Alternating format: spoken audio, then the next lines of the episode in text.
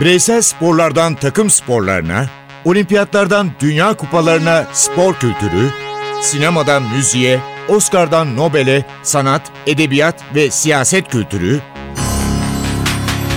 ve dünya tarihinin unutulmazlarıyla ilgili konuşulanlar, olayların perde arkası, yorumlar, sorular ve yanıtlar.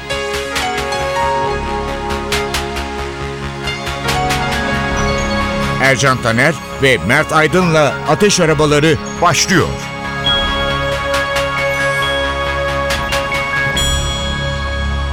Romário número 11, eletrizante, cara, chocante, bárbaro. Romário escancarou total. Romario, Romario, Romario. Brezilya'nın forveti akla gelince Romario ve Bebeto'yu konuşmadan olmaz. 1994 yılına hoş geldiniz. Evet 1994 yılında Amerika Birleşik Devletleri'ndeyiz. Amerika 1930 Dünya Kupası'nın yarı finalisti, 1950 Dünya Kupası'nın en büyük sürprizini yapan takımıydı ama Amerika Birleşik Devletleri'nde futbol uzun yıllar bugün bilhassa Amerikalıların kendi keşfettikleri oyunların bayağı bir arkasındaydı. Haklısın. FIFA ne diyor? Amerika'ya kupayı verdik. Acaba seyirciler ilgi gösterecek mi? Amerika'da medya ilgi gösterecek mi? Öyle bir ilgi var ki. Tarih, Maç başına evet. 69 bin seyirci 1950'de düzenlenen Dünya Kupası'ndan beri en yüksek seyirci sayısı. Doğru.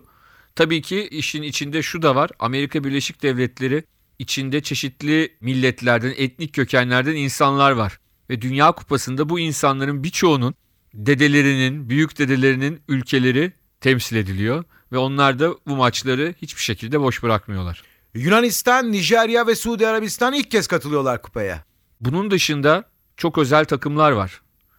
Favoriler arasında tabii ki olağan şüpheliler dediğimiz Brezilya, Arjantin, Almanya var ama ilginç takımlar var. Mesela Fransa'yı eleme maçlarının sonuncusunda deplasmanda son dakika golüyle eleyip gelen Bulgaristan var. Çok iyi kadroları var. Ve Dünya Kupası'nda o yıllarda Bulgar takımı sürpriz yapanlar diyenler de çoğunlukta.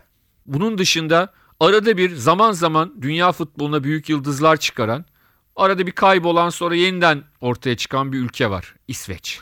1958 Dünya Kupası'nın finalisti İsveç, bu Dünya Kupası'nda iddialı takımı.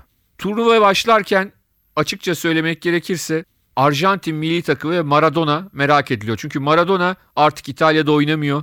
Artı bir süre futbolu bırakmıştı. Arjantin milli takımı çok kötü bir eleme grubu geçirmişti ve Arjantin ancak Avustralya ile oynadığı playoff sonucunda kupaya katılabilmişti. Bu Dünya Kupası ile ilgili unutamadığımız şöyle bir konu var. Gol kralı Avrupa'dan çıktı. Hem de iki ülkeden. Hristos Stoichkov Bulgaristan, Oleg Salenko Rusya. Ve işin ilginç yanı evet Stoichkov üçüncülük maçına kadar yani bir futbolcu ne kadar maç yapabiliyorsa o kadar maçı yaptı turnuvada. Ama Oleg Salenko sadece grup maçlarında 6 gol attı ve bunlardan 5'ini tek bir maçta attı. Kamerun'a Ve aynı Oleg Salenko Türkiye'ye transfer oldu. İstanbul Spor forması giydi. giydi ama maalesef çok kısa süre oynayabildi çünkü bacağı kırıldı ve bir daha da toparlanamadı. Bu kupayı Romario ile açmıştık. Neden Romario dediniz? Romario golü hisseden, golü yaşayan. Hani bir ayak uzanır, hiç kimsenin beklemediği bir yerde o ayak Romario'nun ayağıdır. Akıl dolu goller deriz. Onların başrolünde Romario vardır. Dünya Gerd Müller'den daha iyi bir oyuncuyu bu Dünya Kupası'nda görmeye başladı. Brezilya milli takımı Carlos Alberto Pereira yönetiminde normal bildiğimiz Brezilya'nın ötesinde biraz daha defansif tedbirlerini almış bir takım olarak oynuyor. Ama önde Romario ve Bebeto gibi çok becerili, Avrupa'da da kendilerini kanıtlamış, Avrupa liglerinde de kendilerini kanıtlamış iki tane futbolcuyla oynuyorlar. Arkalarında ilk maçlarda Rai gibi bir usta var, Sokrates'in kardeşi. Ama ilerleyen maçlarda Pereira onu da kesiyor ve çok sert defansif bir orta saha kurgusu ortaya çıkarıyor. Dungalı, Mazinholu ve tabii ki Mauro Silvalı. 1994'te ben bir yılına TRT'deyim. Daha sonra tekrar macera beni İstanbul'a getirecek. İstanbul'da yayına, medyaya hizmetim devam edecek. Tam 40 gün program yaptım. Ve o unutulmaz yıldızlı maçlar geceydi biliyorsunuz. O unutulmaz yıldızları gece yorumladık, değerlendirdik. Sabaha kadar programlar yaptık. Dediğim gibi bu Dünya Kupası'nda beni en etkileyen maç kuşkusuz Brezilya-Hollanda maçıydı. Mert inanılmaz bir maç oldu. Evet müthiş bir maç. Önce 2-0 Brezilya öne geçiyor. Ardından Hollanda 2-2'yi yakalıyor. Ardından da Branco yaklaşık 35 metreden bir free kick golüyle galibiyeti ve turu Brezilya'ya getiriyor. Ama şunu unutmamak lazım. Bu turnuvanın en büyük hayal kırıklığı, en büyük üzüntü verici olayı diyelim. Hayal kırıklığından da öte bir şey bu. Armando Diego Maradona. Evet. Turnuvaya çok iyi başlıyor. Arjantin çok iyi başlıyor. Maradona harika bir gol atıyor Yunanistan'a. Golden sonra kendisine hiç uymayan, kendi tarzının tamamen dışında bir sevinç yapıyor. Geliyor kameraya acayip acayip. Yani normalde Maradona'nın her türlü sevincini görmüşüz ama böyle bir şey görmemişizdir. Ama bence bu aslında şüphelenmemiz gereken bir şeydi. Çünkü birkaç gün sonra Maradona'nın öyle artık hani keyif verici madde falan değil bayağı bildiğimiz doping yaptığı 1994'te Diego Geçti. Armando Maradona'da doping çıktı. Dünya Kupası'nda bu büyük bir şoktu ve kupada sessizlik başladı. Ve de Arjantin çok iyi başlayan Arjantin o maçtan sonra o, o karardan sonra toparlanamadı. Önce Bulgaristan'a farklı yenildi ve grubu istediği sırada bitiremedi. Eşleşme istediği gibi olmadı bir sonraki turda. Orada orada işte Hacili, Dumitrescu'lu, Popescu'lu turnuvanın en iyi takımlarından Romanya ile eşleştiler. Ki Arjantin takımında da çok büyük oyuncular vardı. Başta Batistuta olmak üzere. Ama Romanya'da hacı vardı. Evet ve Romanya'da Hacı vardı ki o Hacı ilk turda Kolombiya'ya taç çizgisinin oradan hepiniz bilirsiniz o golü. Harika bir gol. Kalede de Cordova var. Harika bir gol atmıştı. Ama Kolombiya deyince maalesef akıllara şu geliyor. Turnuva öncesinde Pele tarafından turnuvanın en büyük favorisi gösteriliyordu. Grup elemelerinde Arjantin Arjantin'de 5-0 yenmişlerdi. Ama burada Amerika'da ne Olmadı. olduysa oldu ve gruptan çıkamadılar. Ama en acısı Amerika Birleşik Devletleri ile oynanan maçta kendi kalesine gol atan Escobar, Andres Escobar Ülkesinde öldürüldü. ülkesinde öldürüldü. Tabii o zaman bizim şimdiki gibi narkoz kültürümüz yok. Orada neler olup bittiğine çok hakim değildik. Önceleri bahis dendi. İşte niye eğlenceye çıkıyorsun diye. Ama yani şimdi düşündüğümüzde bunların tamamen dışında bir şey olabilir diye açıkçası düşünüyorum ben. Escobar'lı yıllar. Kolombiya ve maalesef futbolcu Escobar da kartelin kurbanı oldu. Evet Ercan abi müzik arası verelim mi? Müzik derken o yıllardan konuşalım müzik. Tabii ki o yıllardan 1994 yılından. Sen çünkü müziği seçtin. Ama önce Türkiye'den herhalde. Tabii 1994 yılında hakikaten belki de Türk müzik tarihinin, pop müzik tarihinin en iyi albümlerinden biri çıkmıştı. Tarkan'ın A Acayipsin albümü. Ve bu albümün bugün bile hani Milli Marş gibi herkes tarafından bilinen şarkılarından bir tanesi Kış Güneşi. Tarkan'ın artık ben bu müziğe damgayı vuruyorum dediği yıl 1994. ve Kış Güneşi.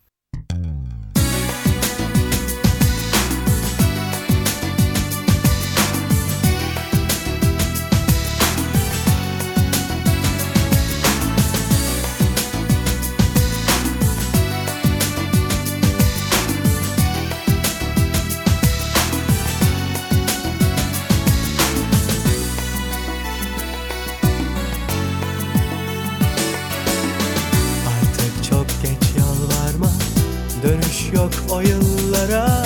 Bil ki sana bu son veda.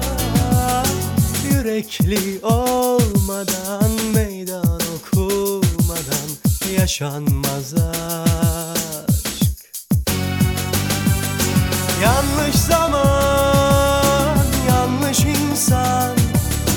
Tutunmak imkansız Bıktım yamalı sevdalardan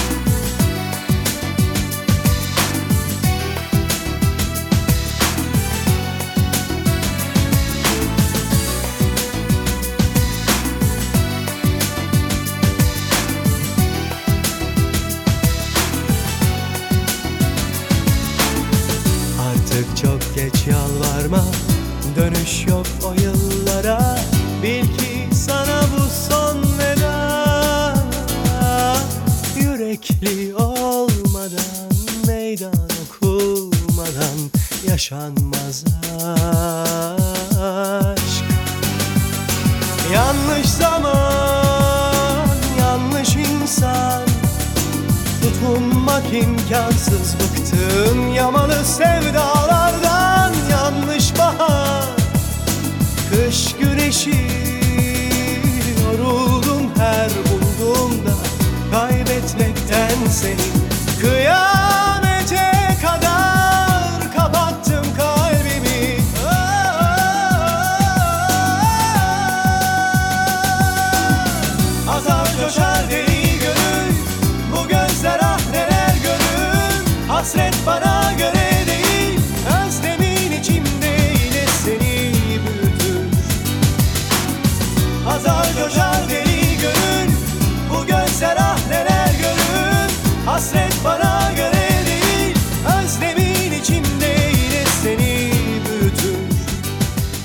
Final maçını sonra konuşacağız. Finalin de ayrı bir hikayesi var.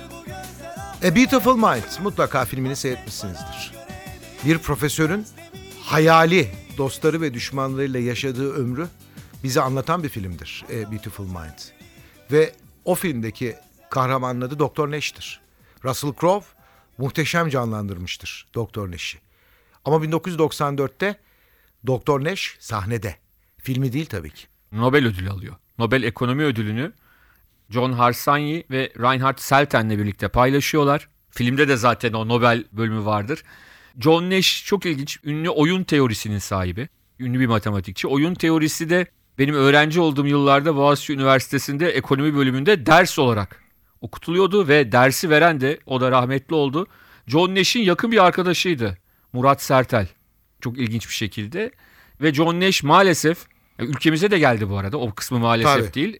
Eşiyle birlikte ciddi şekilde işte karşılandı. Büyük bir heyecanla karşılandı. Ama maalesef bu büyük deha bir trafik kazasında hayatını kaybetti Ercan abi. Amerika Birleşik Devletleri'nde. Evet. Nobel ödüllerinde edebiyat ödülü Japon yazar Kenzabure Oe'ye verildi. Ama herhalde barış ödülü yine unutulmazlar arasına girecek. Çünkü o dönemde Filistin ve İsrail arasında bir barış sağlanması için çabalar sarf eden Filistin lideri Yasser Arafat Rahmetli. ve onun yanında İsrailli politikacılar yine toprağı bol olsun İtsak Rabin, Şimon Peres Nobel Barış Ödülü kazandılar. Ama barış hala gelmedi oraya. Gelmedi çünkü bu barışın mimarlarından birisi İtsak Rabin çok kısa bir süre sonra maalesef hani derin birileri tarafından bir suikaste kurban gitti. Aynı şeyler Yaser Arafat'ın da başına geldi. Barışı istemediler. Ödül aldılar ama barış gerçekleşmedi. Doğru, doğru maalesef. Bu arada o sırada Amerika Birleşik Devletleri'ndeyiz. Amerika Birleşik Devletleri'nde bir çeyrek final müsabakası var. Almanya turnuvanın tabii ki hani Ağır favorisi. ağır favorilerinden. Yani oraya kadar geldi ama daha ilerisi görmez denilen iyi oyuncuları da olan Bulgaristan'la karşı karşıya geliyor.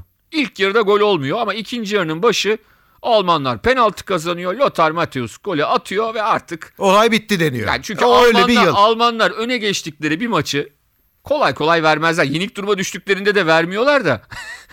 öne geçtiklerinde hiç vermezler. Ama önce bir free kick oluyor.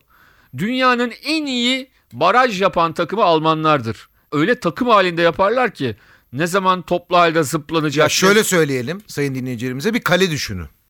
Kaleyi aşmak nasıl zordur? Kale.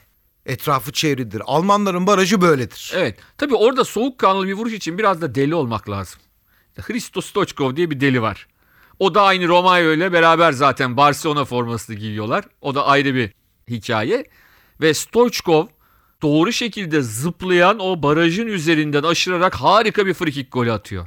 Birkaç dakika geçmeden yine bir Bulgaristan hata. Bu sefer daha sonra 2-3 yıl sonra Beşiktaş'ta da izleyeceğimiz Lechkov. Maestro Lechkov o Çernobil faciası yüzünden dökülen saçlarıyla kafayla 2-1 hem de o sırada Alman liginde Hamburg'da forma giyiyor. Konuyu açtın. Çernobil Ukrayna'da. Bulgaristan'a da yakın. Bulgaristan'a çok yakın. Ve Çernobil denilen yerde nükleer santral maalesef infilak etti. Bütün dünya için esasında bir felakette. Herkes çok etkilendi. Bizi de etkilendi. Karadeniz'de kanser vakalarının artışı. Çok arttı. Bulgaristan'da da çok arttı. Ve Mert'in söylediği gibi Çernobil yüzünden Bulgarların o efsanevi oyuncusu Lechkov'un Mesela saçları gitti. Evet, Lechkov aslında 27 yaşındaydı Dünya Kupası'nda ama o saçlar yüzünden biraz büyük görünüyordu. Ve maç bittiğinde Almanlar şokta. Ercan abi ben o maçı Almanlarla birlikte izledim. Büyük keyif aldım. Maç sonunda ne yaptılar? Ya maç sonunda büyük keyif aldım. Şöyle espri olarak söylüyorum tabii. Gece o maçın hemen ardından işte akşamsı gece saatlerinde o tatil köyünde doğal olarak bir animasyon gösterisi var ve normalde Almanlar da büyük bir sevgiyle e, alkışlar. Bir tane alkış çıkmadı o gün. Ya çok ilginç bir şekilde. Yıkılmışlardı o zaman. Ya böyle bir yıkılma. Yanımda bir tane vardı. En böyle mülayimlerinden biri döndü bana dedi ki ya dedi bu golü atan da bizim ligde oynuyor dedi. Çok güzel. Ve Bulgarlar yarı finale çıktılar. Bulgaristan yarı finalde İtalya ile oynuyordu.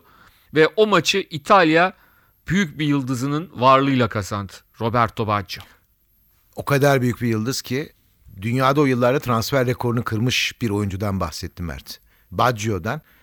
Finalde de Baggio'dan bahsedeceğiz ama önce biraz sinema diyelim. Artık Spielberg'in daha ünlü aktörlerin ve yönetmenlerin en iyi eserlerini ortaya koymaya başladığı yıllardır.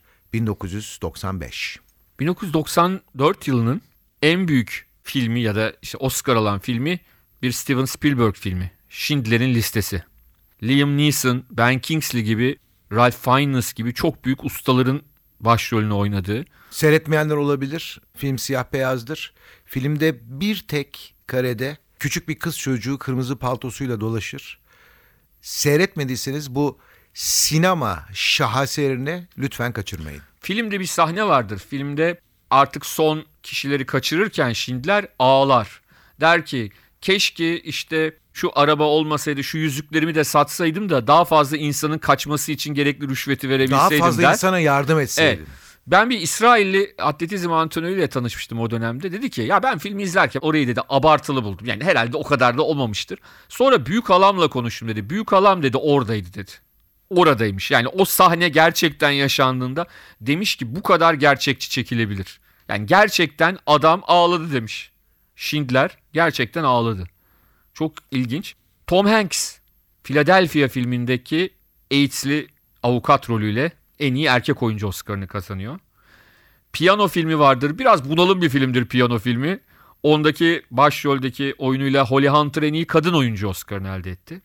Kaçak filmiyle Tommy Lee Jones en iyi komiser Gerard mıydı? Komiser Gerard Komiser rolüyle iyi, Kimball'la Evet. Komiser Gerard. en iyi yardımcı erkek oyuncu Oscar'ını alırken piyano filminin çocuk yıldızı Anna Paquin en iyi yardımcı kadın oyuncu Oscar'ını elde etti. Ve bir şarkı var Erçan abi. O da en iyi film şarkısı ödülü aldı. Tom Hanks'in başrolünü oynadı. Hatta filmde Antonio Banderas'ın da küçük bir rolü var. Daha o zaman yeni yeni Hollywood'a adım atıyor. O filmin şarkısı en iyi şarkı Oscar'ını aldı. Büyük usta Boss Bruce Springsteen söylüyor. Streets of Philadelphia.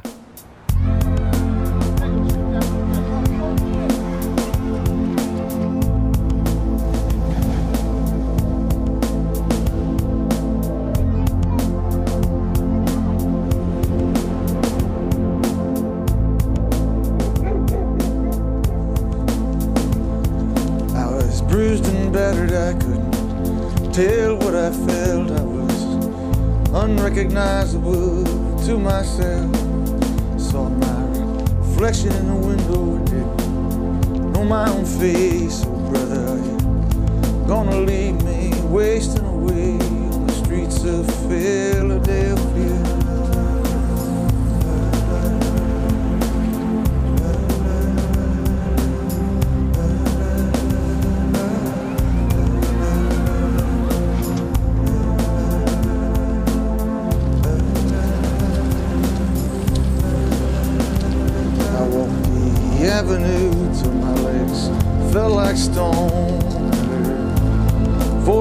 Friends vanished and gone. At night I hear the blood in my veins, just as black and whispering as the rain. The streets of Philadelphia.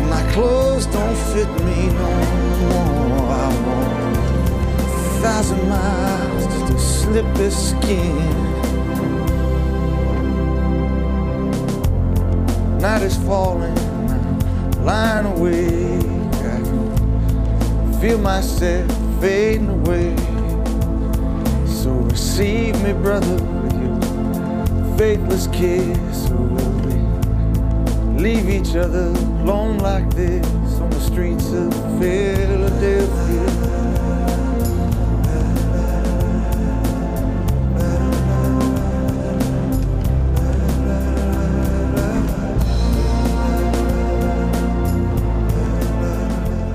Ve geldik finale. Tribünler tıklım tıklım dolu. Maç oynanıyor. Finaller bazen stresli olur. O stresi iki takım da yaşıyor. Hem Brezilya hem İtalya. Biraz tempo düşük. Maç bitiyor. Uzatmalar yine düşük. Ve penaltılar. Mert az önce ne demişti? Büyük yıldız Baggio. Penaltılar atılıyor atılıyor. Ve büyük yıldız Baggio. Evet. Aslında penaltılar atılırken kaçan penaltılar da var. Baresi, Massaro kaçırıyor. Brezilya'da da kaçıran var ama iş dönüyor dolaşıyor Roberto Baggio'nun ayağına geliyor. Baggio atarsa devam edecek maç. Atamazsa İtalya kaybedecek kupayı. Brezilya kupayı kazanacak. Kalede de Tafarel var. Ve Baggio unutulmaz bir penaltı kaçırışıyla topu dışarı atıyor. Baggio gibi tekniğinin kitabını yazmış bir oyuncu.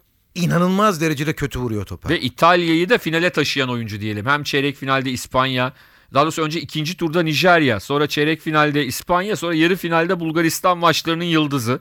İtalya'yı finale taşıyan adam İtalya'yı kupadan ediyor. Belki atsa da devam ettiğinde yine edecekti ama onun üzerine biraz ihale kalıyor. Çok ilginç notlar var finalle ilgili Ercan abi. Bir tanesi Brezilya milli takımının 22 kişilik kadrosunda gencecik bir çocuk var. Adı Ronaldo. Fenomen Ronaldo 18 yaşında ancak bir dakika bile oynamıyor bu turnuvada. Daha sonra Fenerbahçe'nin hocasıyken Şöyle söyleyelim. 1978 Dünya Kupası'nda Maradona'nın kadroya bile alınmadığı Dünya Kupası'nda bu gencecik çocuk var. evet kadroda ama oynatılmıyor. Yıllar sonra Türkiye'ye geldiğinde anlatmıştı Carlos Alberto Pereira. Maç final günü telefonu çalıyor. Açıyor annesi. Carlos Alberto Pereira'nın annesi. Oğlum bu Ronaldo'yu oynat diyor. Çok güzel. Yani Pereira hani ülkede herkesin nasıl futbolu ilgilendiğini anlatırken kendi annesinin bile Ronaldo'yu oynat, Oynat diyor. yoksa kupayı kaybedeceğiz diyor. Belki Ronaldo'yu oynatsa maç 90 dakikada biterdi bilemiyoruz. Çünkü Ronaldo o zaman tanınmıyordu. Bir ilginç not daha karşılaşmadan. O maçta oyuna Pereira'nın sonradan soktuğu, uzatmada soktuğu isimlerden biri de daha sonra yine Türkiye'de oynadı. Gaziantepspor'da Viola. Ve maçtaki tek heyecan verici hareketi Viola yaptı. Aldı topu Baresi'yi çalımladı. iki kişiyi daha çalımladı ama sonuç getirmedi. Yıllar ben röportaj yaptım. Pozisyonu sordum. Dedi ki Baresi benim yüzümden futbolu bıraktı dedi o çalımları yedikten sonra. Ha, dedi. Bares'in şöyle bir özelliği var. Tabii. Dünya Kupası'nın başında menisküs oldu, sakatlandı. Ameliyat oldu ve finale yetişti. Evet. Tabii, Ya bu görünmeyecek bir olaydır. tabii o zamana kadar menisküs aylarca Evet. oynamamanızı gerektiren bir şeydi ama işte Mucizeyi tıbbı, gerçekleştirdi. tıbbın Tıp geliştiğini ve Baresi. Baresi hem de 34 yaşındaki bir oyuncu. Hani bazısı dersi ki 25 yaşında 22 17 yaşında. yaşın 17 gün sonra final maçına çıkıyorsunuz. Böyle bir olay yok. Diz ameliyatı geçirip. inanılmaz bir şeydi. Ve Dunga'nın ellerinde Dünya Kupası havaya kalktı.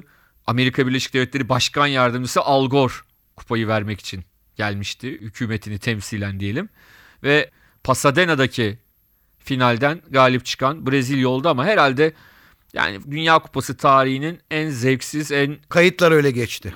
kötü finallerinden biri oldu. Bu kadar yetenekli iki takıma rağmen. Hani takımlar biraz zayıf olur falan biraz kabul ederiz ama hani Brezilya'da da İtalya'da da çok yetenekli, çok özel oyuncular vardı. Ama maalesef iki neden belki teknik adamların Sakki ile Pereira'nın belki fazla tedbirli olması ve de tabii ki maçın oynandığı saat.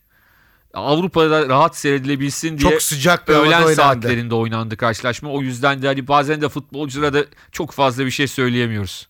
1998'e gideceğiz Fransa'ya önümüzdeki programda. Ve Fransa'da Dünya Kupası'nda neler yaşandığını, 98 yılında dünyada nelerin olduğunu konuşacağız Mert Aydın'la. Her zaman olduğu gibi güzel bir şarkıyla veda ediyoruz size. Evet bu şarkıyı söyleyen de aslında Fransızca şarkılarla işe başlamıştı. Ama daha sonra İngilizce şarkılara geçti. Kanadalı e, önce İsviçre adına da Eurovision'u kazanmıştı. Bizim Atilla Şereftuğ'un bestesiyle. Celine Dion söylüyor Power of Love. Hoşça, Hoşça kalın. kalın. The whispers in the morning of lovers sleep and tired rolling by like thunder now. As I look in your eyes, I hold on to your body and feel the truth you make your voice is.